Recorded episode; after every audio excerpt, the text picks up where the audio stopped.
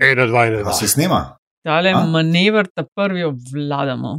Zdaj jaz upam, jaz samo uh, upam, uh. da Pengovski ne bo imel prevelikih težav, ko bo dobil zvočne posnetke, ker bodo granate državljanske vojne okrog nas pokale. Ne? Tako da, aljaš, preprav se. No. Ja, glej, uh, upam, da boš preživel, ne? potem, ko bom jaz dobil posnetek. Namreč. Až kaj, jaz sem v petem nadstropju, Če ga boš v dobil. petem nadstropju, tako da računam, da bom. Ne. Da bo ublažil. ne. Ja. A ja, Ja. katovkal bo višji. Ne. Mm, pa še notri ti ne morejo gor priti, pa prežrt kablov. To pa res ne, čeprav ne, Ljubljanca ni delač. A Ja. A če se odrineš, ja. mogoče skočiš v Ljubljanco lahko. Me Vprašanje, kakšni so vaši temelji? Uh, protipotresni, to pa veva oba. Sa, temelji Ja, no, so samo upravljanja. Ne? A so, a so protinutrijski? To pa ne vem, to bo pa stroka povedala. Pa se one so predebele, ne morejo priti v peti štok, to samo pretliče operirajo, pa klet. Nutrije zmorejo. Okay, vse. hoče reči, da klet operirajo nutrije. A Žan, a Žan Mahnič to ve. Evo pa imamo naslov. Uh, Ful imamo ambiciozen plan za danes, uh, Aljaš, špička. Enkrat za spremembo. Pred nami je časna naloga. Kriza vredno generira tudi vse ostale krize in rezultati te čutijo v višini plač. Sam živim danes od vlastnih prihrankov in ne od trenutne plače. Fantje igrajo monopol z državnim premoženjem. A ti veš, da ta šlepa ni nikoli obstajala, da nas je un nategnil na cel čas. Jaz uh, na takem formatu ne vidim popolnoma nobenega smisla. To je LDGD, podcast, ki nikogar ne podcenjuje in ničesar ne jemlje preveč resno. V imenu svojih najbližjih in v božjem imenu vas pozivam na lov. Bom kdaj pa kdaj stresla kakšno šalo.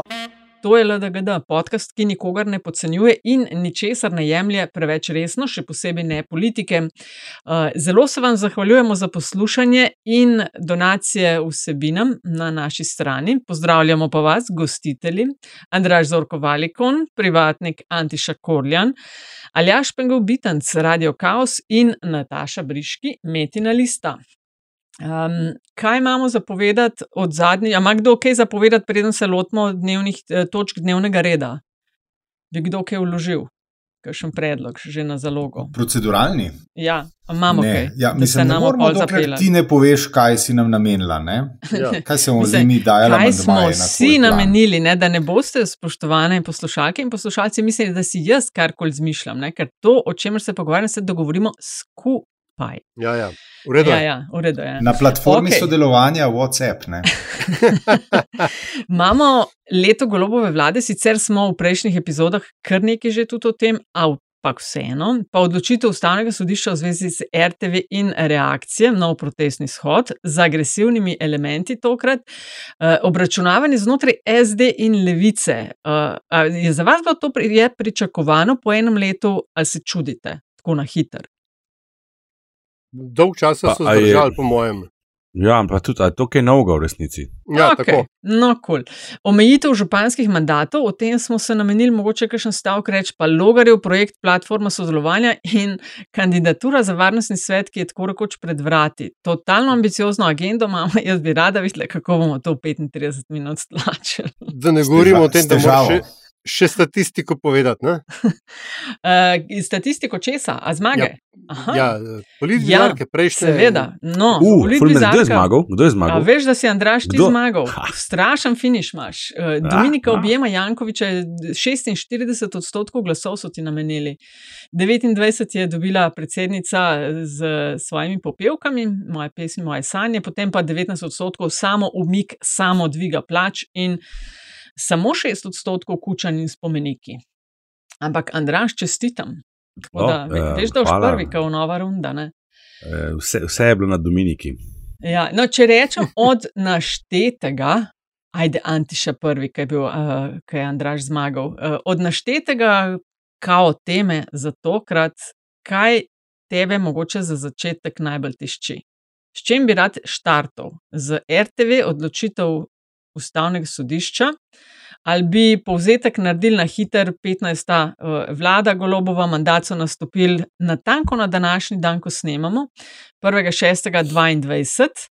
Um, želiš, imeli smo v prejšnjih epizodah že nekaj o tem, želi. Mi se v bistvu, mi se v resnici, ne, v resnici se, kar, uh, kar je edino prav, ne. Uh -huh. uh, Se zadnjega pol leta, zadnje, zadnje leto se ne ukvarjamo toliko več z Janezom Janšo, ne, kot to počne uh, aktualna vlada, ampak se ukvarjamo z vlado. Ne. Mi od vlade uh, pričakujemo, da bo ukrepala, vlada ukrepa kot ukrepa, oziroma ne ukrepa.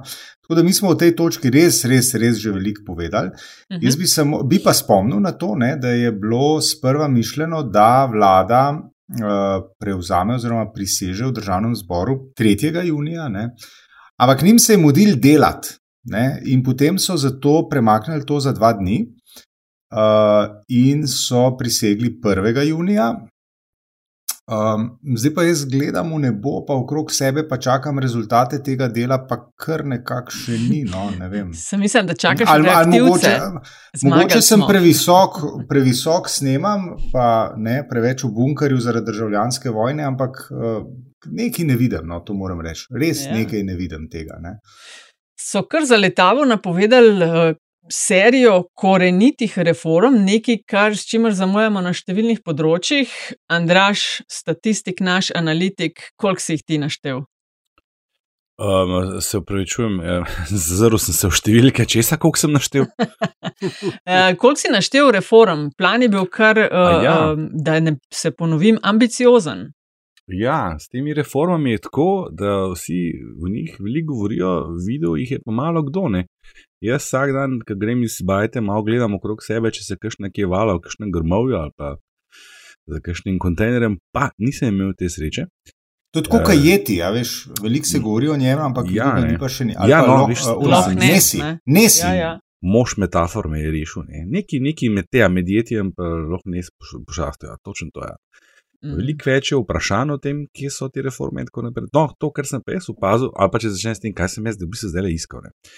Jaz sem iskal uh, rezultate naše raziskave, namreč, ki imam slučajno pri roki, kakšno na ključe, uh, ki, ki meri tudi med drugim uh, zaupanje v vlado. In me zanima, če se je to kaj spremenilo, glede na to, da so bile zadnji čas neke take dost uh, popularne poteze zaznane strani vlade, predvsem po mojem mnenju ta z upokojenci.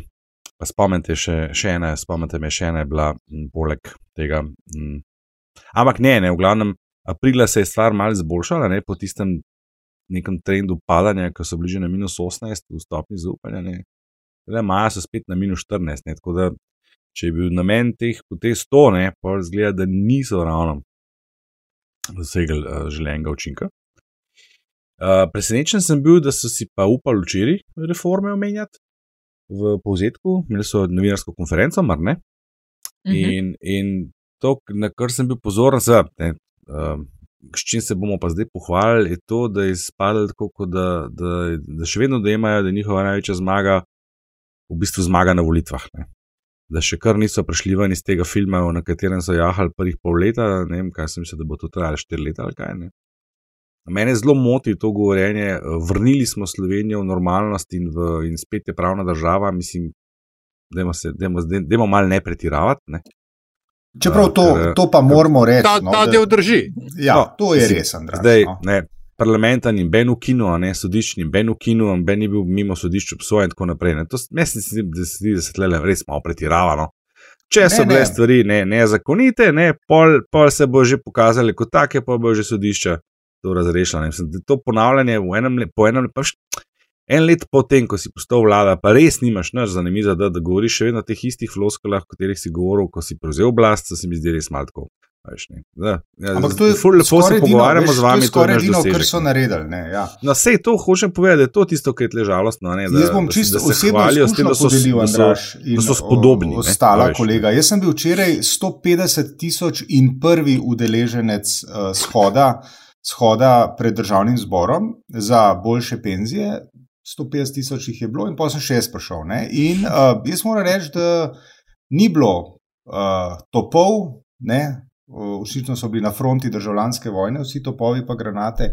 Ampak tako je bilo umirjeno, nihče nikogar ni uklepal, nihče nikogar ni uh, zaplinjal, in tako naprej. In to pač tudi uh, zagrajen državni zbor v resnici ni bil. Uh, tako da to dejmo, dejmo jim to prišteti v bilanco. No. Veš kaj, mene, mene recimo ne, moti to, um, da ok, ne, ti si z usvojitvijo oblasti, si zamenil prejšnjo, evidently, ne, in si lahko govoril, da je bila ta zdaj neka zmaga, zdaj smo spet svobodni, ampak te se stvari mešajo. Ne. Dajmo ne pozabiti, da prejšnja vlada je vladala v času epidemije. To je res velika razlika. Epidemija so bile izredne razmere in to konkretno. Mene moti to, kako se zdaj za nazaj skuša to um, relativizirati, malo zmanjševati pomen teh okoliščin in tako naprej. Mislim, da ni bilo včeraj dobesedno, ko smo to doživljali in preživljali, ne samo mi, vse države po celem svetu. In tle so ene res velike razlike. Um, a veš, čitati zdaj, uh, tle neko, nek, mislim, me se tako, veš, na trenutke zdi, da res ne, govorimo, da so vem, v parlamentu ukinili. Ja, mislim, zdaj, uh, tu, le, ne, tukaj, pa ga nisem. Ne. Ja, pa uh, prvič. Druga stvar, a, sorry, ne, druga stvar, sorry, samo da dokončam, ne, ta, ta normalnost in tako naprej, je pa. Uh, um, Kaj sem hotel, veš, kako mi, kako mi vhajajo misli danes. No, ker povej, se, se bom tukaj, spomnil. Ne? ne, tukaj bom pa jaz izkoristil pravico do popravka in bom uh, ugovarjal.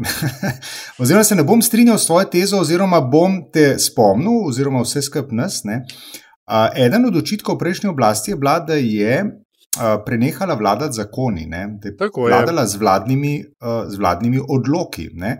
To je prva stvar. Druga stvar, osvežil bi spomin, da smo bili ravno mi, ali pa če hočete, jaz lično in personalno, tisti, ki sem vedno poudarjal. Ne? Da za razmere um, epidemije takšnih razsežnosti nihče ni hodil v šolo, niti se je za to izobraževal, in zato jim moramo priznati um, nekaj, kako se reče, tudi napake, ki so jih delali, in iz tega ne delati prevelikega slona. Ne? Ampak eh, tisto, pa, kar bilo, um, tisto pa, kar je bilo zakopano pod, uh, bi rekel, to, uh, to devizo, devizo ali pa krinko, ne, da tako rečem, upravljanja z epidemijo, tist je tisto. To je tisto, kar je problem. No, no, tako, jaz sem in, se spomnil, in, kaj sem hotel povedati. Ali jaš, ja. prosim, če ne spet pozabil. no, dej, no, dej. Samo malo. vračanje, vračanje v normalno, no, tega pa tudi ne moramo priznati. Ne, ker, uh, vračanje uh, kipa, vračanje kipov, vračanje uh, na čebine in pa uh, haha, z odlokom ukinjen praznik, ki ga je prejšnja vlada res da v času izteka svojega mandata sprejela, to pa tudi ni vračanje v normalno. Ne? Mi bi lahko v času Cerereve vlade govorili o vračanju v normalno, ker če se spomnite tistih letih 14-18, je bila res popolna odsotnost kulturnega boja, ne vem, kako smo sploh lahko preživeli, štiri leta brez tega. Mm, ta vlada pa to vrača, ta vlada je pa na nekaterih poljih tako revanšistična, kot je bila prejšnja. In to me zelo moti, ker, ker v bistvu vnaša nemir, milo rečeno, v družbo, ne, nekaj, kar, kar se očita eni točno določeni stranki, ki to seveda zdaj še bolj izrazito počne in gre to zelo na kožo. To smo že prejšnjič malo omenjali. Uh, tako da tudi to, ne, vrnili smo Slovenijo v normalnost. Ja, lahko, če rečemo, uh, spet smo tam, kjer smo bili, ampak uh, tle smo bili že v času prejšnje prejšnje eh, vlade, tako da vračanje normalo, tle, ne, jaz vračanje normalo, razen tega ni več virusa, ne vidim. Ne. No, jaz se tukaj globoko ne strinjam iz dveh razlogov. Prvič, virus še vedno obstaja ne, in recimo, če kaj zamerim aktualni oblasti in premijeju, so ravno te izletavanja, češ, COVID-a ni več, nekaj pa se vedno popravi, ga ni več kot Kar seveda ni res. Ne? Ja, tako, ne, tako, ne.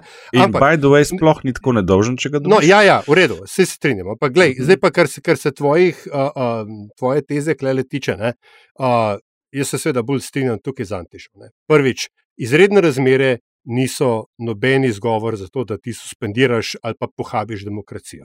Uh, um, in, in, in razmerja med vejami oblasti.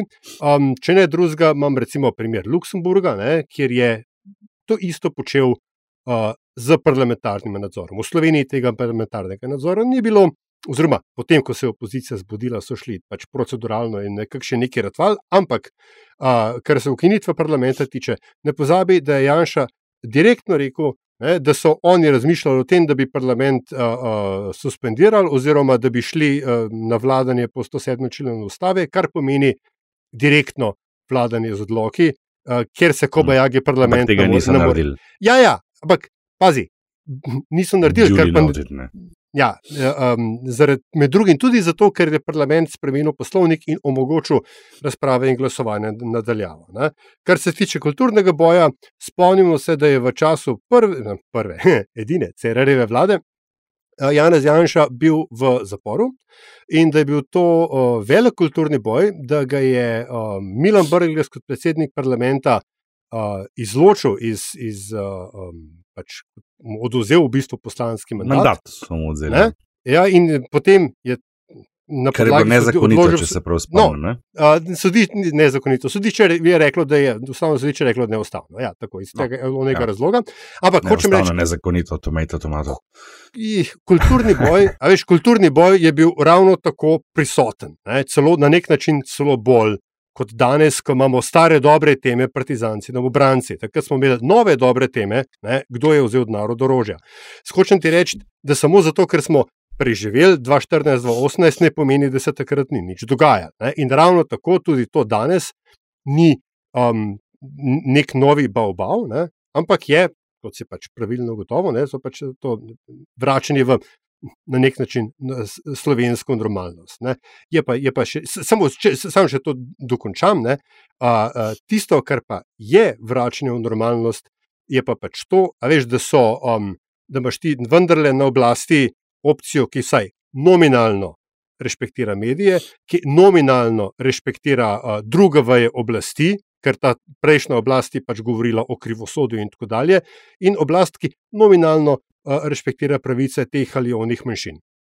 In, in tolerira proteste, in tako dalje. Tudi se civilno družbo malo drugače ukvarja, kot tako, se je prejšnja oblast. Tako da ja. histerizacija javnega prostora se je nehala, garbanje STA se je nehalo. Na RTV smo zdaj v živo lahko gledali podaljšek tistega enoletnega izživljanja nad javnim servisom. In ja, prejšnja vlada je imela COVID, ta vlada pa vojno v Ukrajini in s tem povezano energetsko krizo, draginjo in tako dalje. Tako da čist isto ni. Ne? Mislim, som, ima Se tudi ta. Rekel, da je isto. No, ampak tudi ta vlada je imela svoj delež kar težkih stvari, s katerimi se je mogla ukvarjati v zadnjem letu. Veš, kaj bi mogoče sam to dodal, da tisto, kar pa je problem, loga, problem, inherentni problem golobove vlade je v tem, da so oni na današnji dan pred enim letom, so oni konzumirali mandat, ki so ga imeli. Ker ne, to pa mislim, da smo tudi večkrat povedali, v resnici je bil uh, uh, golob s takšno večino izvoljen z enim samim manda mandatom zamenjati Janša. Vse ostalo je sekundarno in je vprašanje, kaj si je kdo predstavljal pod golobovo vlado. Ne? In seveda, to je ta, pač ta problem, ker oni so 1. junija 2022 naredili tisto, zaradi česar so bili izvoljeni. Zdaj morajo pač štiri leta, da preživijo do naslednjih volitev. Veš, tle se z enim in drugim ne strinjam. Ne. Uh, ja, prva stvar je, da jaz ne bi enačil uh, epidemije z draginjo v inflacijo. Ne, tako, kar je Antiš prej lepo spomnil, ne, za epidemijo ni bilo nobenih uh, priročnikov in vodičev, kako in kaj, je bilo za vse novo, ne samo v Sloveniji. Uh, Medtem ko inflacija in draginja so stalnica uh, gospodarstva, mislim, uh, niso glih vsako leto, so pa recimo vsake 10-20 let to zgodi in tle pa imaš veliko učbenikov, kako se to dela. Tako da bi se lahko o tem tudi pogovarjali, kako se je to upoštevalo, kako se ni, ker ta vlada se rada pohvali s kakšnimi eh, dejstvi, ki to niso. Naprimer, da imamo najnižjo, uh, za, uh, najvišjo zaposlenost v Sloveniji, kar ne drži, da smo v, pri inflaciji najbolj, med najbolj uspešnimi državami, kar ne drži, in tako naprej. Um, no, imeli smo že vojne, bilo, imeli začetku, smo draginje, ampak tega, kar je sledilo ukrajinski vojni, učbenika tudi za to ah, ni. Nataša, ne? Eh, energetska ne. kriza 70-ih ni bila čisto drugačna, kot je tole zdaj. Sam ne spomnimo se tega, ampak za to stvari obstajajo, obstajajo tekst boki, kako se s takimi stvarmi upravlja. In se ne reče, ta vlada ni ničesar naredila. Um, recimo na začetku, ne, celo, se je celo edino področje, ki ga pa res Robert Golo počitno obvlada in je v to takoj stopil. Če se spomnimo, na začetku so se zelo ukvarjali s tem, so se zlotili uh, brzdanja cen energetike in to jim je To jim je seveda uspelo, ne? ker so naredili tiste potrebne korake. Pri čemer ne bom pa spet spomnil, da se spet ne čisto vse, kar bi lahko. Namreč, ne vem, če veste, ampak uh, državni ponudniki plina so državljanom gladko zaračunavali plin, ki so ga eno leto nazaj uh, porabili po nižji ceni, ne? so ga zaračunavali po dvojni ceni, kasneje v poračunu. To bi se tudi dal, recimo, s kakšnim zakonom ustaviti, pa se ni zgodilo in tako naprej. Uh, druga stvar, s katero se ne strinjam, je pa ta, ki je Ljaš omenil zdaj le, To govorim, pa se ne strinjam, da sem pa spet pozabil, s čim se ne strinjam. Je bem. Da je bil on bil en sam mandat zamenjati Janša. A ja, no to je pa to, no, to, to pa zadnje čase ima spominja, pa bomo tudi pri politbizarki prišli do tega, uh, da, da kdo pravzaprav je izvolil to vlado in s kakšnim namenom. E, mislim, da se, da se preveč, prevečkrat interpretira zmaga svobode kot, uh, kot zmaga anti-janša voljivcev, kot zmaga civilne družbe, ki je protestirala v petkih in tako naprej. Ker če bi bilo to res, potem bi bistveno več glasov dobile stranke kot so Levica in vse ostale, ki so se takrat upirali temu v koaliciji KUL. Jaz trdim, da je večino te zmage in da je tudi sporočilo te zmage predstavljalo tisti ne majhen del prebivalstva, ki je bil proti ukrepom, ne proti vladi, ampak proti ukrepom, ker za kar se vlad tiče, mi pa dosta vse en, kjer je. Uh, in tle imamo pravka za eno. Kar zelo uh, veliko, ne, manjšino sicer, ampak zelo veliko, ne, relativno večino, morda celo ne. Ja. Ki predstavlja tisti del ljudi, ki ni bila ne, desna, ne podpornica desne vlade, ne uh, zagovornica cepljene z strani intelektualne levice, ampak tisti nekaj umestne. To so ljudje, ki so dvomili v stvari, ki so dvomili v virus, ki so dvomili v, v, v cepiva, ki so dvomili v marsikaj in njihov mandat je to, to morate razumeti. In no. zadnja, zadnja izjava Urške Klakočar Zopančič kaže na to, ne, se gleda, kot da se je avtirala, ne, da to res ta teza ni tako iztrte zvita, ne, to, kar je znač govorilo o nespoštovanju ukrepov. No, bro, ampak vse, ampak vse to sem ne, rekel. Rekel sem, da, si, da si je pod to anti-janšo koalicijo, pač različni ja. deli populusa so si predstavljali različne stvari. Bistvo, ja. e, e, skupni imenovalci pa pač bilo to, da se Janšova vlada zamenja. Antiša, ja, no, pa še en indikator. Antiša, dej ti na glas pove, kar misliš, ne v WhatsApp dajati, ker to je res 20 minut predrkavanja zdaj. En, en no, indikator no, še, še pomemben je pa, uh, uh, če ste zaznali, ima uh, glas ljudstva, se mi zdi, upam, da se nisem zmotil. Eh, je pozvalo, pozvalo k, k protestom v petek na kolesih. Ne? Skratka, vračamo se k petkovim, petkovim kolesarskim protestom. To je tudi zelo jasen indikator, uh, čigava je ta vlada in kaj počne. Tole eno leto po vladi, oziroma eno leto golobove vlade, je rezultiralo tudi v zadnjih tednih, da se Antiša znotraj SD-ja, pa znotraj levice, je slišati, da um, vsaj določenega dela ne najbolj zadovoljstvo s tem. Zdaj, uh, predsednico SD se zdi, da jo rušijo z več koncev. Uh, intervju je dal vodja poslanske skupine, kako stranka ne plove po njegovem v pravo smer um, na levici, in, in da se bo treba pač, eh, da je težko pač biti eh, predsednik, če se ne ukvarjaš s stranko, oziroma veliko potuješ in tako dalje. Potem pa imamo ta vikend, eh, je kongres Levice v celju, je pa bil tudi objavljen intervju s Kordišem, enim vidnejših članov Levice, kako je potreben nov del v stranki. Aktualnemu vodstvu očita sredinjenje, Uh, in v stranki zdaj nekako bodo skušali uh, doseči dogovor med aktivističnim krilom in ključnimi funkcionarji, ki delujejo v sklopu vlade.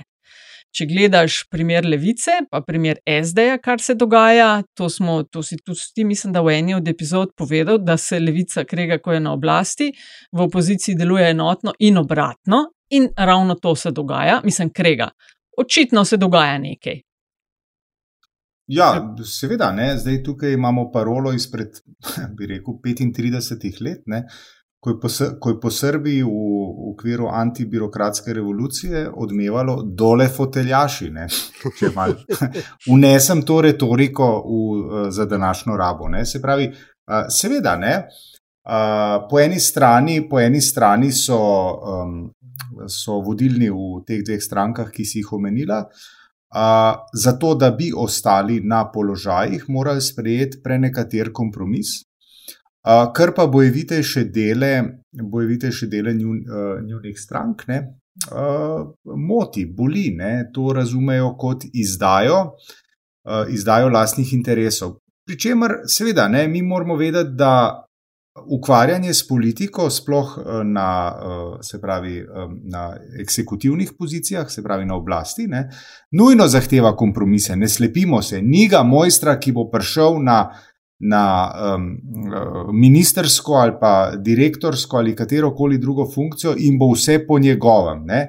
In potem se seveda zgodi to, da tisti, ki so bili z njim do predvčerajšnjim v rovih, da tako rečem, bojni, na bojnih položajih, ne, a, so seveda razočarani, kar jaz lahko razumem, ne, ampak to, to priča tudi o odsotnosti razumevanja, kako stvari, kako stvari potekajo. Ne.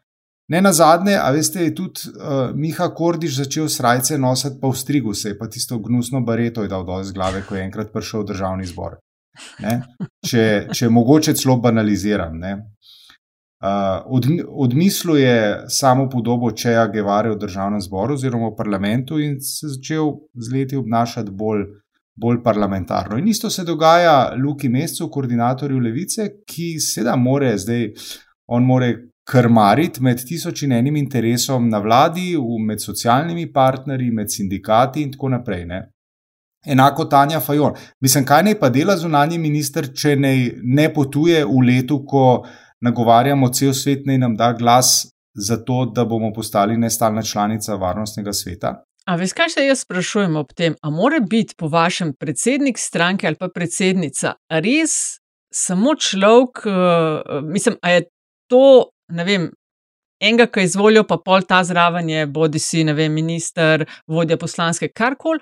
Ali bi to mogel nekdo biti, ki je pač dober izvajalec del, ki mu jih naloži ožje vodstvo? Ne? Ker stranko se si predstavljam težko ukvarjaš, če si minister. Ker če si minister od vem, 8 do 5, pa vemo, da nimajo fiksnih ur, ne? kje pol ostane za stranko. V, recimo, primer iz Združenih držav je, da pač predsednik države ni nikoli predsednik, mislim, recimo, ne vem, demokratov, republikancev, ni isto enako predsednik stranke. To so eni drugi ljudje, ki so stranke, operativci. Ja. Zato imajo stranke um, generalne sekretarje. Tako ne? je. No, no. Ampak, a veš, kje so glih te očitki? A more, kaj pa če bi, mislim, a kaj? more biti to kaj, nekdo? Kaj če more? Da mora biti, ne vem, prvi človek, hkrati, ne vem, predsednik stranke. Recimo, če so, ne vem, Fajon je kot predsednica stranke, prvi človek članke, ne, stranke na nek način. Mislim, gled, ena značilnosti nasploh evropske politike je ta, da so vodje strank uh, tudi uh, kvot in kvot državotvorni ministri, ne, karkoli si pač pod ja. pridevnikom državotvorno um, predstavljamo. In zdaj v ZDA je to mečken drugače, ker sta demokratska in republikanska stranka v bistvu res široki koaliciji. Ampak v Evropi je pa pač tako, si predsednik stranke in če si v koaliciji, si ti minister. In tako je Antiš Anti, Anti rekel, delegiraš dnevno vodenje stranke, generalnemu sekretarju ali podpredsedniku ali podpredsednikom. Problem SD-ja je v tem, da se je njim kadrovski bazen močno izpraznil, tudi ali pa interesni bazen. Če hočeš, ne, kar je standardna slovenska fora, dokler je stranka močna, ima veliko prijateljev in veliko članov, pa, pa, ni, pa, pa ni več. Ne. Mislim, jaz si ne predstavljam, kako se lahko nekdo polnovredno ukvarja z Orange stranko, ki se mi zdi, da zahteva najmanj 8 ur dnevno, pa obiskovanja po Sloveniji, pa grajenja vsega tega, in je hkrati, ne vem, minister ali pa vodja poslanske in tako dalje. To sploh ne vem, kako gre skupaj. No, ampak vodje strank so po defaultu ministri, to, to imaš pa tudi v državah v Evropi, ali imaš? No, sej, to sem, ja. to ne vem, je po vseh državah. Ne, ampak... Više, više manj je to. to veš, predsednica zelenih je zunanja ministrica v Nemčiji. Ja, no. Predsednik no. zelenih je obrambni minister v Luksemburgu. Itd., predsednik itd. stranke je kandidat za premijeja, če ta stranka slučajno zmaga. Tako da, da so pa tisti, ki ne zmagajo, ministri, tudi nekako logično. Ampak veš, kaj se meni zdi tle? Ta stranka mi tako deluje, da je v neki krizi vodenja vse od tistega minimalnega poraza Pahorja proti Lukšiču. Kako je že šlo za glas, dva, tri, nekaj tasga. Spomnite, ko so imeli kongres, pa ti zgra začaranega obraza, pa aktivizma določenih starih sil v stranki, ki so uspele pa Lukšiča pripeljati na čelo te stranke. In takrat naprej je šla ta stranka samo še navzdol. Zdaj ne govorimo o tistih, ki so šlo tej stranki. Ja, ja ne. Uh, takrat, pa ne zdaj to tistih 30%, ki vemo, da, da niso bili realni, da ti si bil pač uh, trenutno zatočišče, kako že rečejo, kadar, aha, prodaja, da so parkirali delnice. Ne? Takrat so pač ti voljivci parkirali svoje glasove pri SD-ju, zato da ne bi Janša zmagal. Ne? To je bilo jasno, da tega ne morejo ponoviti, ampak uh, oni niso šli nazaj na 10-12, kot je bilo običajno, ampak so šli na 6. Uh -huh. In oni imajo v bistvu to krizo vodenja že od takrat. Lukšiča so na hitro nasilo pred volitvami zamenjali Židanom, ki se nikoli v delu stranke ni prijel kot legitimni vodja te stranke, kakorkoli se je trudil. In pa ta menjava naslednja spet ni bila najbolj posrečena, očitno. In to jih spremlja že od takrat. Ne? In jaz sem že večkrat rekel, mislim, jaz mislim, da imajo oni krizo identitete, kar resno, že tudi kar nekaj časa. Ne? Tako, Kar, kar pravzaprav veliko pove tudi o um, političnem potencialu zdaj že nekdanjega predsednika republike, ki je uh, tej stranki v resnici ne, pripeljal, uh, jo pripeljal na oblast, jo pri, ji, uh, kako se reče, ji sonce pripeljal na obzorje. Ne. Potem pa je šlo, draž, tako kot si rekel, ne, je šlo navzdol in zdaj mi se nad Borom Pahorem lahko ja? zgražamo, kolikor se hočemo, ne, ampak dejstvo je to, da je njegova pot v politiki zgodba o uspehu. Ne? Pa še ena stvar se je vmes zgodila, ne? levica se je pojavila. Tudi, tudi. Mislim, da oni še, še niso čez dobro preboleli tega, ne? ker od takrat naprej iščejo svoje. Levica je zasedla nezaseden prostor, ja. se pravi ta umik v socialno demokracijo, tretjo pot in vse te fore, ki pa jih je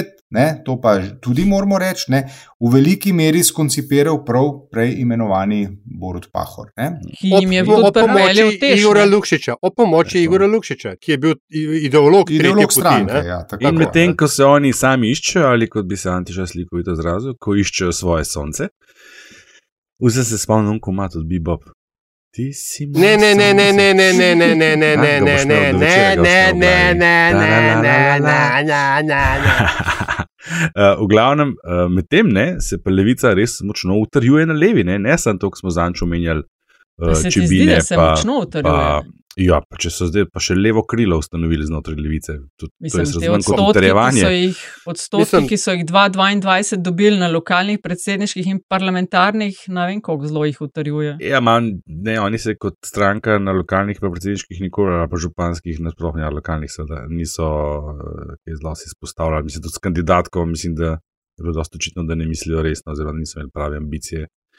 Ampak to uh, zauzemanje tega teritorija, veš, SD-jev, no, tako, ker oni so, res, oni so zasedli ta socialistični del, uh, levega, levega razmišljanja, ja. kako temu reko, levega pola. Ne, in tam se oni utrjujejo, to, to je dejstvo. Njih ta poteza, Mihe Kordiša zdi, ne, še, na, še par klinov zabilo ta šotor, ki stoji tam. Ne. Levo krilo, to se mi tako fajn zdelo. Ja, je pa tudi res, da je to bilo možno, predvsem zaradi tega, kar je Antišov omenil in je tudi zgodovinsko res, da je pač uh, SD že pod Pahorjem pospešeno zapuščala ta prostor, ne, um, nasledstva komunistične partije Slovenije, ki je mimo grede, zadnjič sem šel gledati, uh, zdaj popolnoma izbrisana iz uradne zgodovine uh, SD-ja. Če bi se več ne omenja, zdaj se aludira na pojav socialne demokracije, tako zelo nebolozno.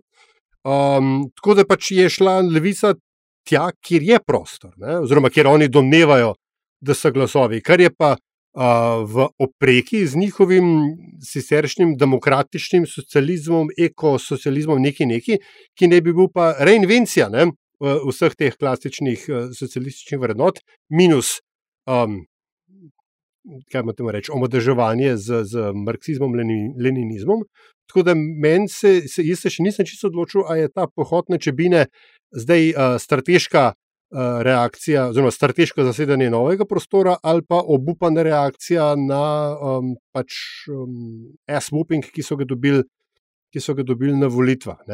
Um, in preden pač predam besedo naslednjemu, bi sam še to dodal, ne, da ne pa, po mojem mnenju, v, v, v te debate uh, ne, ne jih preveč interpretirati kot vem, znanilke ne vem, česa groznega, ker je ta ne, spičkanost na levici naravno stanje stvari.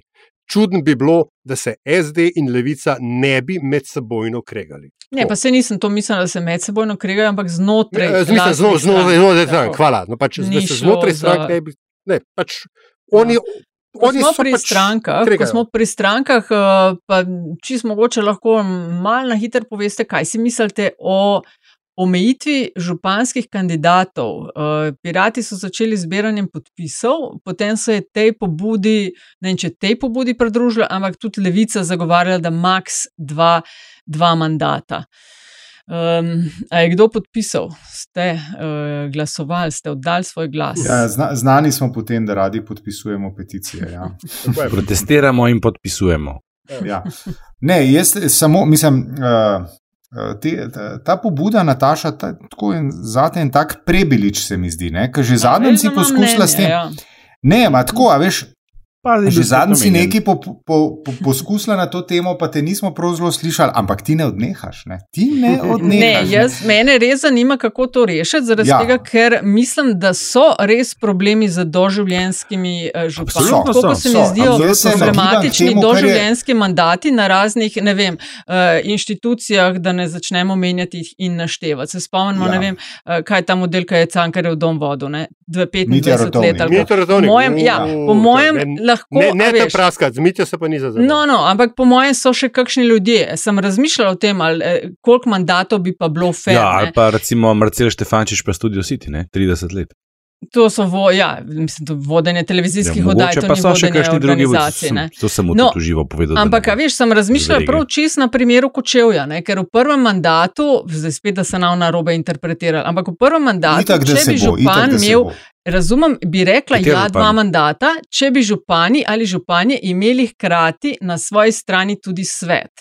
Če nimaš večine v svetu, težko svojo agendo furaš. In pol se mi zdi, da, zna bit, da znata biti dva mandata, pač ne, ne.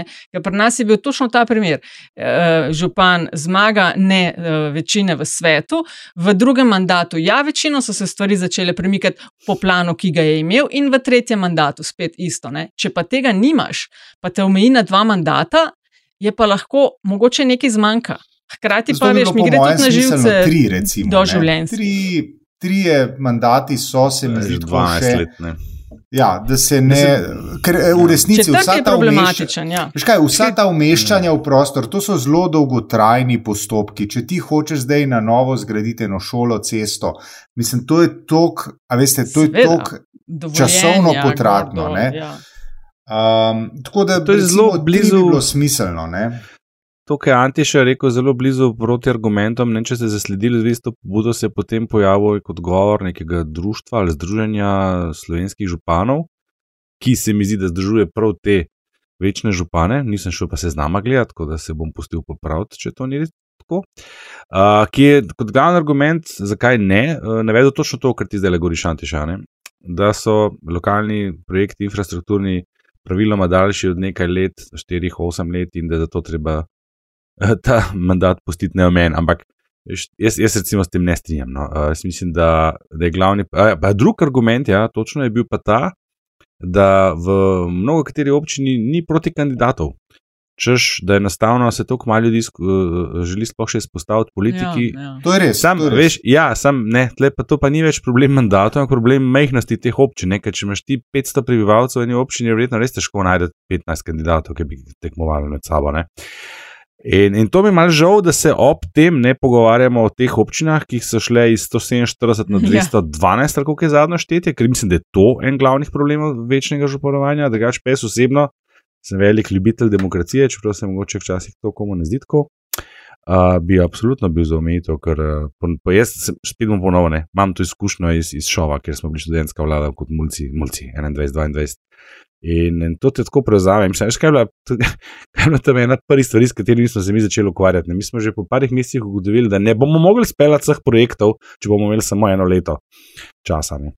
In smo skušali spremeniti to v dve leti. To je, veš, to je notranje gonilo, kako bi rekel, vsakega oblastnika, da hoče čim dlje gor ostati. Tako da je že z tega vidika se mi zdi zdravo omejitev na dva mandata. No, politolog v meni ne, se je zdaj zbudil, ko ste tole lepo govorili. Um, uh, in je, se mi zdi, se mu zdi, da problem ni v omejitvi, oziroma v dolžini števila mandatov, problem je v unitarnem sistemu vodenja občin, oziroma kot je Andraž že aludiral. Tako lepa slovenska beseda, v številu občin oziroma njihovih pooblastilih. Namreč, župan tudi vodi seje mestnega sveta. Kar pomeni, da lahko župan, če ima večino v mestnem svetu, lično je personalno kot buldožer, a, vozi po opoziciji in a, forsira točno tiste svoje točke, ki njemu pašejo v program. Zdaj, prvi korak, po mojem, bi bil, da se loči funkcijo predsednika sveta in župana, da skratka župan ne vodi sej mestnega sveta. Um, ker že, je že to druga dinamika, tudi če ima potem župan ali županova lista še vedno večino. Drugo, to, kar se pa absolutno strinjam z, z, z Andražem, pa je, mi rabimo manj občin, oziroma rabimo pokrajine in potem občinam vzeti pooblastila. Občine imajo izjemno pooblastila, še posebej glede na poprečno velikost občin, da ne govorimo o občinah na vzhodu Slovenije, ki so pač bolj, ko greš po vzhodu, manjše so. Ne. In tukaj je problem. In ko bi se te ta dva problema rešila, tudi interesa po ž, večjih mandatih ne bi bilo več toliko. Ti se, če se ne motim, imamo itak določilo eno minimalno število ljudi za občino in da tega absolutno se krši v kar nekaj primerih. Ampak Ja. ne sprav 5000 številko v glavi. Ja, pa so to No, malo lahko- zmanjšali, ampak pa je, pa je pa Okej, še pa zdravstveni dom, pa pošto, pa tako dalje. Ja, ampak, glej, Definitivno ni 500, pa tudi ne 1000. Ne? To nima kaj biti občina. Mislim, ja, sem pomoč, pa veš, pomoč pa zaključena celota, pa državni zbor lahko še vedno odloči drugače, itd. itd. Klej je ful velik luken v zakonu, ne? In stvar sploh uh, ni tako trdo, trdo določena. Končni fazi pa, gledaj, kaže, krško lahko postane tudi mestna občina, pa what the fuck. Ja, prosim te lepo, se super, da je, bal je problem, da kočev je še ni. No, no, no, evo, evo, ja, evo tako. Če je mestna občina, evo, to je peticija. No, to peticijo evo. je treba podpisati. Eh, Skrita agenda a naše gremo- Štefi. Ja, valjda. A In gremo pa na... boš kandidirala, ne? In pa bom kar naenkrat bom tam županja, kar naenkrat Ja, ja, se bo zgodilo. ja.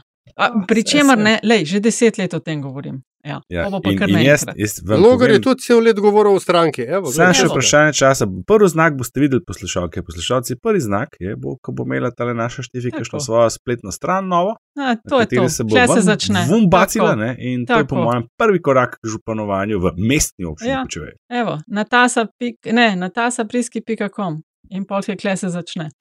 Um, Pejmo na drugo temo. Odločitev ustavnega sodišča v zvezi z RTV je kar precej odmevala.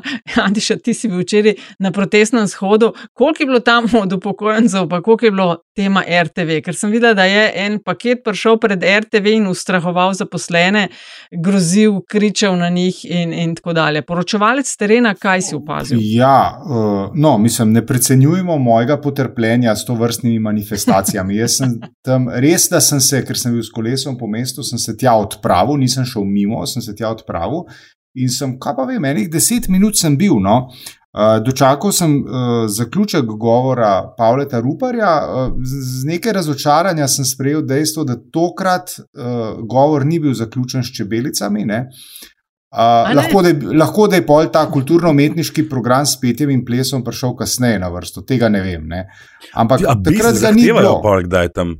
Kaj? A zahtevajo, kdaj bis, a, a, ko imajo te nastope, to me je zdaj prešinilo. Ja, ja, vrati pare. Uh, tako da ne vem, ne. kot sem že prej rekel, 150 tisoč približno udeležencev je bilo, uh, kar se meni zdi kar dosežek takole za en tak je, poli- ne. po, ja, zadnji majski dan. Ne. Um, drugač pa, kar se pa RTV-ja tiče, ne, če je bilo vprašanje. Zdaj, um, mislim, Vse smo o tem tudi v Ne, prejšnjih ja, epizodah. ampak ne. mene bo zelo zanimalo, mene bo zelo zanimalo, kdo bo zdaj junak, ki se bo dal imenovati na mesto, recimo, direktorja televizije ali pa na mesto, ali pa junakinja, na mesto direktorja, direktorice televizije ali odgovornega urednika, odgovorne urednice. Ker tam pa zdaj, tam pa zdaj po eni strani bodo Ja. pričakovanja, pričakovanja uh, osvoboditeljev RTV-ja bodo enormna. In to, ne, tukaj bodo prikladno pozabili, da eh, lastne obljube eh, nekako prelagajo nejasno bodočnost in bodo hoteli takoj imeti spremembe. Ne. Po drugi strani tudi javnost bo to počasi pričakovala, tega, ker to, kar se dogaja, um, je v resnici tako. Je slaba televizija, vsaj kar zadeva informativni program. Na tretji strani, eh, po, po, se pravi, po tretji strani, ali kako se reče, imaš pa ti tam vendarle že toliko ljudi, ki, so, ki zdaj le plavajo na, na valu zmagoslavja, bi rekel, prejšnje oblasti, ne, a, da jih ne boš mogel kar pospraviti uh, nekam, jim ne dati zadelati in ne, program usmerjati po lastnih željah.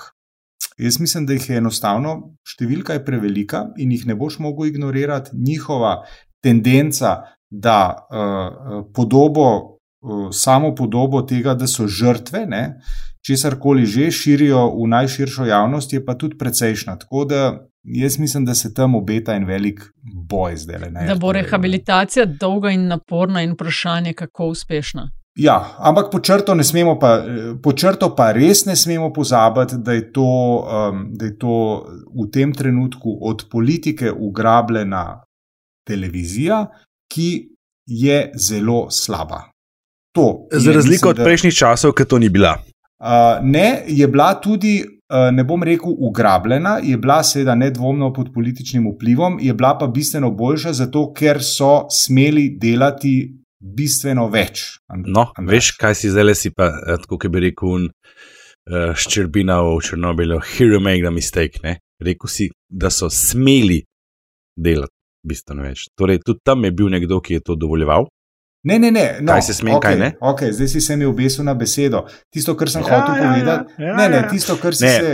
Dejstvo tisto, je, kar sem hotel. Ta, ta televizija je od nekdaj politično ugrabljena. Uh, ja, tukaj se Razlika strinjam, je, ampak, pa taka, ja. je pa taka, kot pri vseh stvareh, ko gledamo, ko se jih lotijo levi ali pa desni. Če pogledaš državne proslave ali pa karkoli drugega. Državne, državne proslave so mogoče najboljši primer, ki so najbolj očem vidne, pa, pa največ ljudi jih opazi in vidi. Pač na desni so um, uh, kadrovsko bistveno bolj omejeni, uh, bistveno manj uh, kompetentnih ljudi, strokovno gledano, in uh, predvsem so pa precej štorasti. Ne? To je ta razlika. No, mislim, če smem za trenutek ugrabiti tale prostor, ne pa podeliti svojo osebno izkušnjo. Nekoč sem bil tudi kolumnist na tej televiziji in nisem imel absolutno nobenih težav, ko sem uh, kolumniral tudi kritično do takrat v tistem obdobju uh, vlade uh, Mira Cerarja ali Marjana Šarca. Ne? Uh, vlada Janeza Janša je pa poskrbela, da te oddaje ni več na programu. In ne pozabimo, ne, da, da se vse to dogaja v zakonskih okvirih, zakon o RTV, katerega primarni avtor je Branko Grims, SDS. To, pač, o, o, o, če govorimo Zakona, o zakonskih ja, podlav, ki je bil sprejet leta 2005, ja, ja, in ga od takrat nobena levo-liberalna vlada ni, ni prstom taknula. Ne, to ni res. V času Majde Širca je bil pripravljen predlog, da se je nekaj. Pa ni bil sprejet ni bil sprejet, ni bil pa sprejet. Zakaj? Čak ena stranka, dve črke ima v imenu.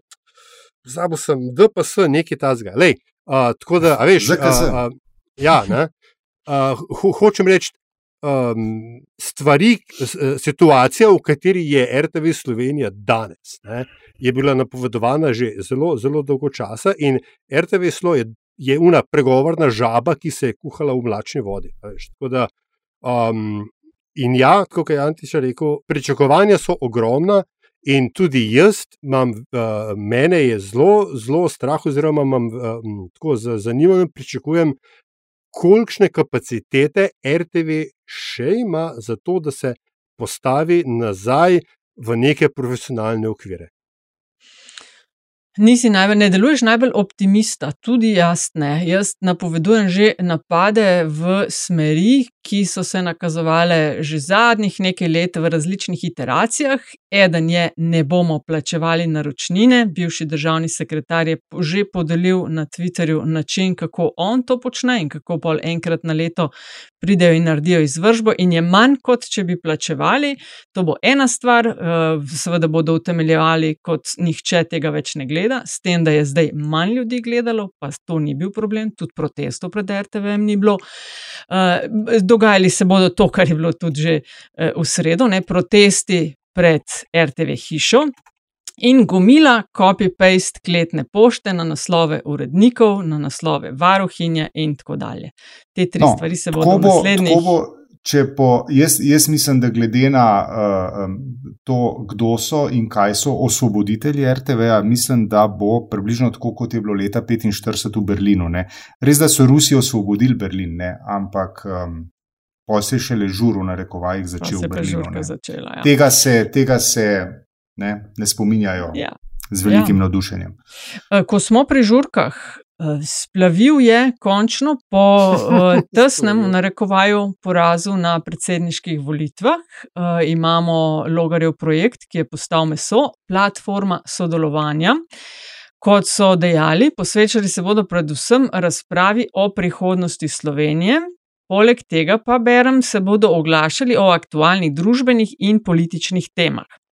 Um, med ekipo Ali je. imamo predsednice za to? So ekonomi, v ekipo so ekonomist Masten, pa uh, SD član Pikalo, pa šef Beletrine Čander, uh, zdravnik Ravnikar, uh, šefica kabineta od ex-predsednika Pahorja Alja Brgles, pa doktorica Romana Jordan, Eva Jergal, ex-minister Andrijanič. Delali bodo, kot so rekli, okrogle mize, pogovore o izzivih prihodnosti. Uh, zanimale jih bodo, kot so našteli, spodbudno gospodarsko okolje, sodobne tehnologije in umetna inteligenca, zdravstvo, mladi, sodstvo, mediji, okolje. Ja, je rekel dr. Logar, da ne bo tabu tem. Stavijo pa na sodelovanje, na kulturo dialoga in ne izključujejo ustanovitev politične stranke v prihodnosti, če se jih ne bo poslušalo. A to je grožnja. Ne, ja, to so rekli. Mislim, da pač bodo predloge dajali, in če ne bo posluha, bodo razmislili tudi o stranki. Jaz sem ja. bil pa pozoren na eno besedo uh, v tem njihovi v definiciji njihove misije, da bi želeli vrniti Slovenijo. Ne vem, kaj vse si, mislim, da ti večino stvari naštela in zdravo razumskost. No, jaz sem pa rekel, kaj, kaj pa če tega ne bi, kaj pa če ne bi zdravega razuma v politiko vračali. Mm. Mislim, jaz razumem stisko mnogih, o katerih smo tudi mi že govorili v podkastu, in jo slišiš od ljudi, dost imamo levi, desni, naši, vaši. Ne? Radi bi, da bi šli naprej od tega, ker če bomo vsak okopani v svojih jarkih, ne bomo šli naprej. Ne? Drugo vprašanje je pa, koliko iskreni so v teh namenih, Antiša, koliko se ti zdijo iskreni. Ma jaz kot. Uh pa ne bom, mislim, tukaj ni nobenih narekovajev. Ne. Jaz, kot dobro nameren človek, ne, um, nimam nobenega razloga, da česa tazga in take inicijative ne bi pozdravil in to mislim iskreno. Jaz mislim, da je prav, da se, uh, da se pogovarjamo, da skušamo preseči. Um, da skušamo preseči uh, te razlike, ki so, ki so med ljudmi v družbi. Uh, Mečkam skepse, pa moram reči, da imam ravno zaradi inicijatorja ravno zaradi inicijatorja te pobude, to je Anžel Logar, ki je, mislim, ne smemo pozabiti, ne, ne smemo se zanašati preveč, tako kot se očitno on, da čez neki let pa vse pozabimo. Ne.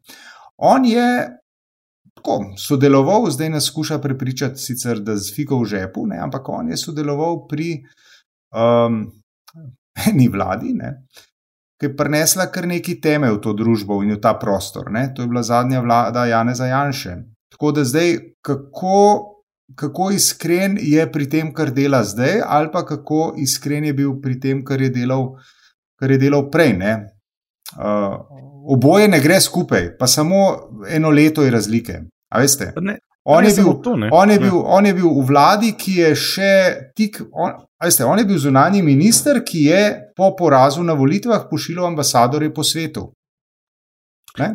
Pa ne samo to, ne? on je še vedno član, poslanec in celo predsednik sveta stranke, ki je bistveno odgovorna za to stanje, v katerem se danes nahajamo in proti kateremu ne bi se ta platforma borila, ali kako bi rekel. Temu, da, je pa, in s tem, ko je poslanec, seveda ima bistveno več možnosti na drug način to uresničevati. Za začetek bi lahko recimo izstopil iz poslanske skupine SDS pa, pa se lotil tega znotraj parlamenta.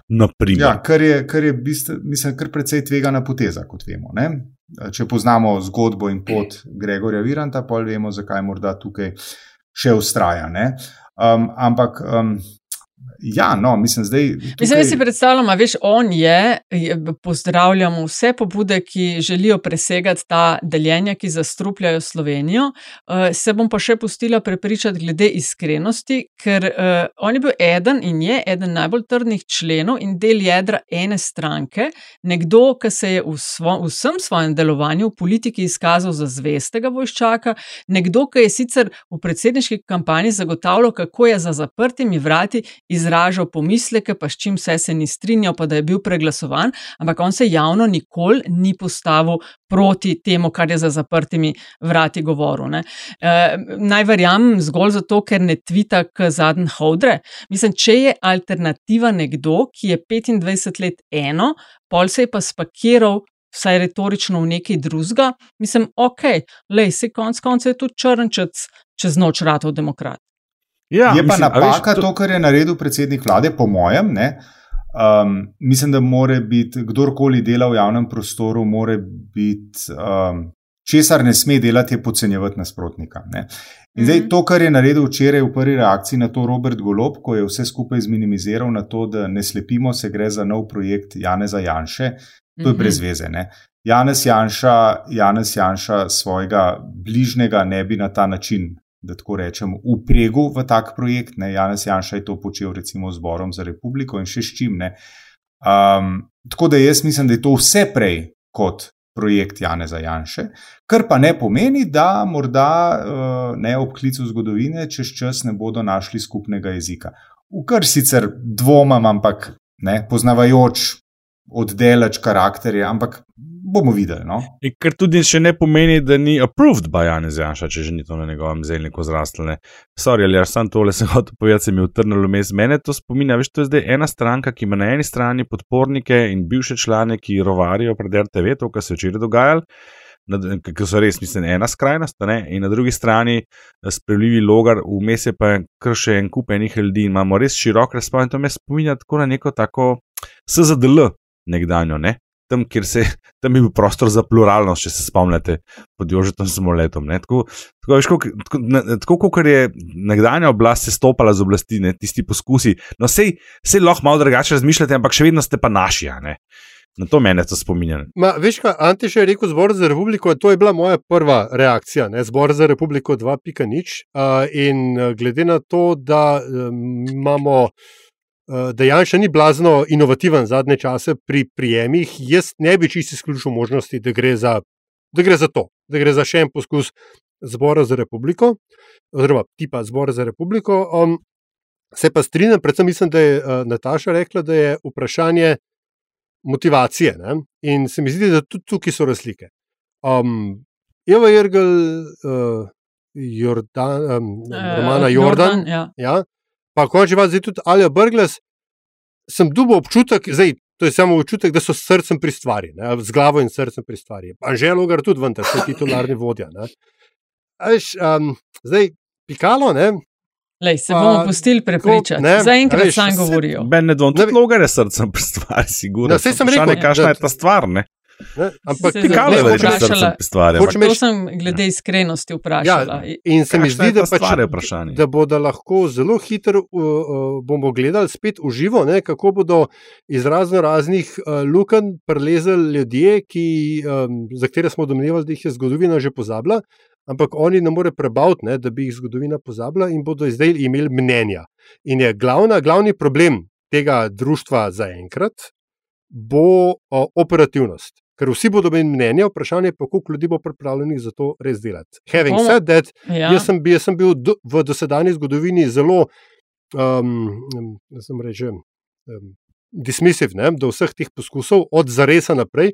Vsakič sproti sem bil, uh, se je izkazalo, da sem se motil, tako da tokrat si ultimativno mnenje pridržim zase in ne, uh, dobrodošli ter hikrozus hik salta. Um bomo spremljali. Ne? Poslušajte, LDGD in ker nas kličejo druge obveznosti dneva, bom samo vprašala, da vidimo, kakšni Nostradamusi bomo brez razlaganja. 6. junija je glasovanje za varnostni svet. Slovenija potrebuje 129 glasov. Razglasili smo na vrat na nos kandidaturo decembra 2021, to se sicer dela kakšnih deset let vnaprej eh, in kampanjo in tako dalje. Mi smo šli en blitzkrieg se, ajde. A mislite, da nam bo uspelo, ja ali ne? Ne. Antiša. Bolj ne kot ja. Aha, Andraš tudi ne. Ne. Uh, Aljaš, dajmo se razdeliti. Ne, jaz rečem, mislim, že v osnovi je bil, bil moj odgovor pripravljen ja v tretjem krogu. Uh, zgodaj si napovedal. No, jaz vsekakor upam, da ja, ker je bilo kar nekaj energije vložene v to. Kaj pa bo pa evo, v naslednji, oziroma sedmega, mogoče že veste. Veš, kaj smo pa pozabili? Se pa spomnim, da smo po prvem letu Janša vlade na obletnico uh, vsak dal oceno šolsko od 1 do 5. To bi tudi lahko naredili na hiter, brez argumentacije. Mi smo tega že naredili za goloba, so konc aprila. Mm. Ne, no, oceno od 1 do 5. Hm, no, dobro, ok, pa dajmo hiter, ajde. No, hiter, no, ajde. Andraš. 2 uh, do 3. No, jaz se pridružujem temu. 3 do 4. Ja, jaz bom dal kar trojko. No, krasen. Zdaj moramo pa to primerjati z ocenami Janša vlade po prvem letu. Ja, in smo pri politbizarki. Andraš, zmagal si, imaš prvo. Ja, um, bom jahal na tistem, kar sem že omenil nekje na sred današnje epizode, torej izjava Urške Klakočar Zapančič o tem, kako je ona na konju kršila ukrepe. Ta se mi zdela še posebej simpatična, oziroma bizarna. Meni se zdi zelo, zelo neprimerno za um, nekoga, ki je na takšni funkciji, da tako odkrito govori, kako je kršil ukrepe, pa čeprav je šlo za ukrepe, ki jih je sprejela nepriljubljena vlada, vlada, ki ta oseba nasprotuje. Dejstvo je, da niso bili vsi ukrepi butasti, butasti in še enkrat butasti. Kje je to rekla? Se je izrazila. Ne vem, prebral sem nekje. V državnem zboru. Zelo državnem zboru, ja. No, celo. Krasno, wow. celo tam, ne, še bolj bizarno.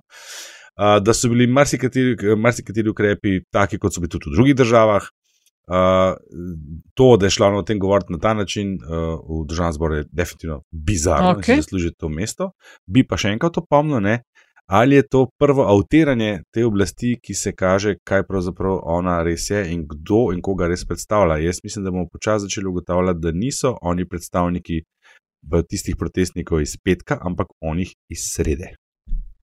Antiša, Ja, jaz bom ostal na vrhu oblasti, ne, tako kot je Andraš, in bom kandidiral uh, predsednika vlade uh, Marijo Antonieto, Roberta Goloba, ki je šel, ki je šel na, uh, ne, uh, na, um, na območje hudih zemeljskih plazov, na šentilski konec te države, se pravi na severovzhod, in je gospod, ki se bo morala, oziroma se je morala izseliti iz hiše, ker je bila pač hiša na tem, da se podre. Uh, to lažu z besedami, gospod, dajte to gledati, tako kot da greste nekam na počitnice v hotel. Gospa je šla pa v neko nadomestno nastanitev, zdaj ne ima svoj najdel stanovanja, je šla v kontejner, bivalni, tega ne vem. A v vsakem ja. primeru, a v vsakem primeru, a veste, ne, če nimajo kruha, naj jedo poltico, ne, ali pa ko ti nekdo umre, pa ne, ma ne sekiri se, no, ena skrb manj. To se Jo. preprosto ne reče. Pika, Jezus, konec. kje smo to slišali? A to si dejansko kdo reče?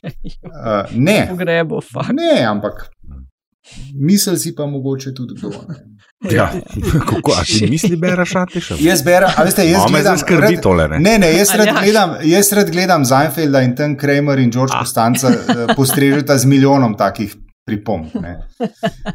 Aljaš, kaj pa ti? No, jaz bom pa, eh, če smo že pri vrhovih oblasti, bom pa še eh, tretjo najvišjo predstavnico oblasti, ne? Se pravi po Urški, po Mariji in Tonjeti, bom še Natašo Pircmusar, ki pa so jo ne, zelo, um, kako se mu reče, nas, nasilno, eh, pač iz konteksta so jo vzeli, ne? tak eh, tretma ala Kučan je dobila, glede njene izjave o ustavnem sodišču, danes smo to, to že omenjali, eh, ko so. Eh, ko je rekla, da se eh, z novimi imenovanji kaj takega več ne bo ponovilo. Pri tem je seveda mislila na to, da bi se ustavno sodišče zaplezalo v uh, obstrukcije, eh, izločitve in tako dalje. No, in seveda je, nasprotna stran, ta stran, ki je izgubila zdaj to zgodbo z RTV-jem, to interpretirala kot, ne, da zdaj bomo pa naredili, da bo v ustavnem sodišču devet uh, ultralevih sodnikov. Ne. Nataša Predsmusar tega ni rekla, ampak vsa ta uh, vsta proces ne, m, preoblikovanja konteksta njene izjave se mi zdi.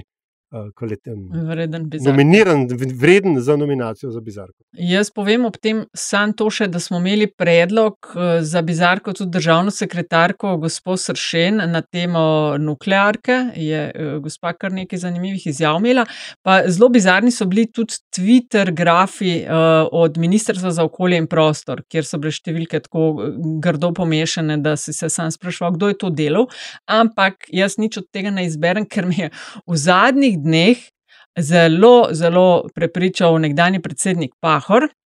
Moja bizarka je namreč njegovo oddva, odvajanje od droge, ki je biti predsednik. Uh, decembra je zaključil desetletni mandat in nekako se ne more odvaditi, da te pozornosti medijev, tega, da si bil faktor, pa nisi več tak in je kar hudo. Zdaj, vsak teden, v bistvu, en teden je bil od obiska uh, nekdanje predsednice v Rimu, je šel še sam tja na en krok, kar je skrajno, sedanje predsednice. Sedanje, tako ja. Uh, kar je skrajno nenavadno. Ta sindrom. ja, očitno zgleda. Kar je čist skrajno nenavadno, da ne rečem nespodobno. Pol je hiter za, zajahal Rogličev val, naenkrat je našel svoj glas. Ne, če ste opazili, uh, kar nekaj komentarjev ima in to tako zelo konkretnih, predko v desetih letih ni povedal toliko kot v zadnjem tednu dni. Prlepo se je na hiter še na državljaka in akcijo. Radio ena, neka dobrodelna zbiranja sredstev. Uh, vse tako, da bi v enem laufu naredil še za preobud, se nima časa. Tiste pumice, uh, ste opazili. Na vseh posnetkih v zadnjem tednu, sam še klej, sem klej bi izjavil, da odejte me poklicati. Mislim, mene je strah, iz kje bo skočil jutr. Tako da puma skače iz konzerva, je moja uh, politbizarka. In zadnjih 30, kdo želi štartati? Ampak kdo prvi, prvi? Ajde, bom jaz se že tretji. No, Vse karte ne boste mogli kupiti, ne? tisti, ki je še niste. Ampak bi priporočil, ne? izštekanih 30, 8.6. v Križankah, Jure Longika obeležuje 30. obletnico oddaje Ištekani, ki jo vsta čas že vodi. Štartala je na študentu in se je potem preselila na Val 202. Uh, krasen scenarij, krasen, kot se v slovenščini reče, line-up uh, izvajalcev. Uh, mislim, da bo tudi prenos na, na Radio Slovenija, tako da toplo, toplo, toplo, uh, že vnaprej toplo priporočam, ker um, ponovadi so te žuri res v redu in kot imam informacije, tudi tokrat ne bo izjema. Ne? Če bo pa vreme, se pa pred križankami, mogoče v tistem parku, tako kot smo kot mulci delali, da posedeti, pa mal prisluhniti, pa se mal pogovarjati, pa kaj spiti. Andraš, kaj imaš pa? Ja, hvala, ker si mi res tudi meni začel fino muditi. Ja, mislim, če pa že Anteša priporočil koncert, ki se ga ne morete več udeležiti, mu pa jaz tudi priporočil koncert, ki se ga ne morete več udeležiti, namreč koncert, ki je bil prejšnji teden v Kinu Šiška, v Kinu Ščiška, uh, šlo je seveda za let 3. Uh, moram sam povedati, da sem uh, zelo prijetno, prijetno doživetje, um, katerem sem srečal tudi nekaj zelo prijetnih ljudi, ampak predvsem to, uh, kaj počnejo le tri, ne več rosnih letih, uh, kako oni štartajo. Mislim, da 20 čez 8, mislim, ne zgodi se velikrat, da prideš na koncert, potem ko nekdo začne igrati, ne pravilno je obratno. In da so žgal v, v popolnih oblekah, uh, črnih oblekah, bele srajce, telovnikih, tisti vročini noter. Uh, Dve uri in pol, enkrat vmes so se preoblekli za komat šč, imamo šč, seveda. Uh, Uh, mislim, vsaka čast, cela, cela plejada komadov, od najstarejših do, do najmlajšega, mislim, impressed, I'm impressed. Mislim, da, žal ne morete tega več videti, če ste bili tam, veste, o čem govorim. Drugič, bo priložnost. No, ker se pa meni ne mudi, ne? Uh, bom pa uh, priporočil um, podcast The History of Jugoslavia. Uh, Aleksa Krujkšenksa, ki je uh, ta hip moj novi najljubši podcast, uh, in v katerem se, poleg seveda pričujočega, ne, uh, in v katerem ugotoviš, da so vse te zgodbe, ki so uh, jugo razbile in ki jih nekateri oblikujejo tudi v okviru jugo nostalgije in tako dalje. In tako dalje. Um, da so v resnici se začele že globoko v 18. stoletju, in uh, skratka, poslušajte, ker uh, je bila vsa stvar zavožena, še preden se je zares začela. Draž. Um, jaz pa po narkoserijah in potem vikingih očitno prihaja obdobje kavbojcev in indijancev. Uh, pred časom je eden od vas v zadnjih 30 predlagal Yellowstone. No, če ste tisti, ki to gledate, gledamo. Če ste s tem že zaključili in mogoče spregledali, zdaj zgodba familije Dutton je v še dveh serijah in obesta res fajn. Ena ima naslov 1923, tega leta se dogaja, v, njem igrata, v njej igrata Harrison Ford in Helen Mirren. Uh, potem je pa še en prequel in sicer 1883, to je pa čisti začetek, kako je familija uh, potovala na zahod in se ustalila v Montani. Tako, vse troje uh, in oba prequela zelo, zelo fajn. In s tem smo prišli do konca. Uh, postavimo piko na i, rečemo hvala, ker ste bili z nami. Um, Maš, želi kdo kaj dodati? Smo vse povedali, ne? Pa unima dvema se mudi, ne? Ja, ja. Okay. ajde, pa pa. Živijo srečno, čau. čau.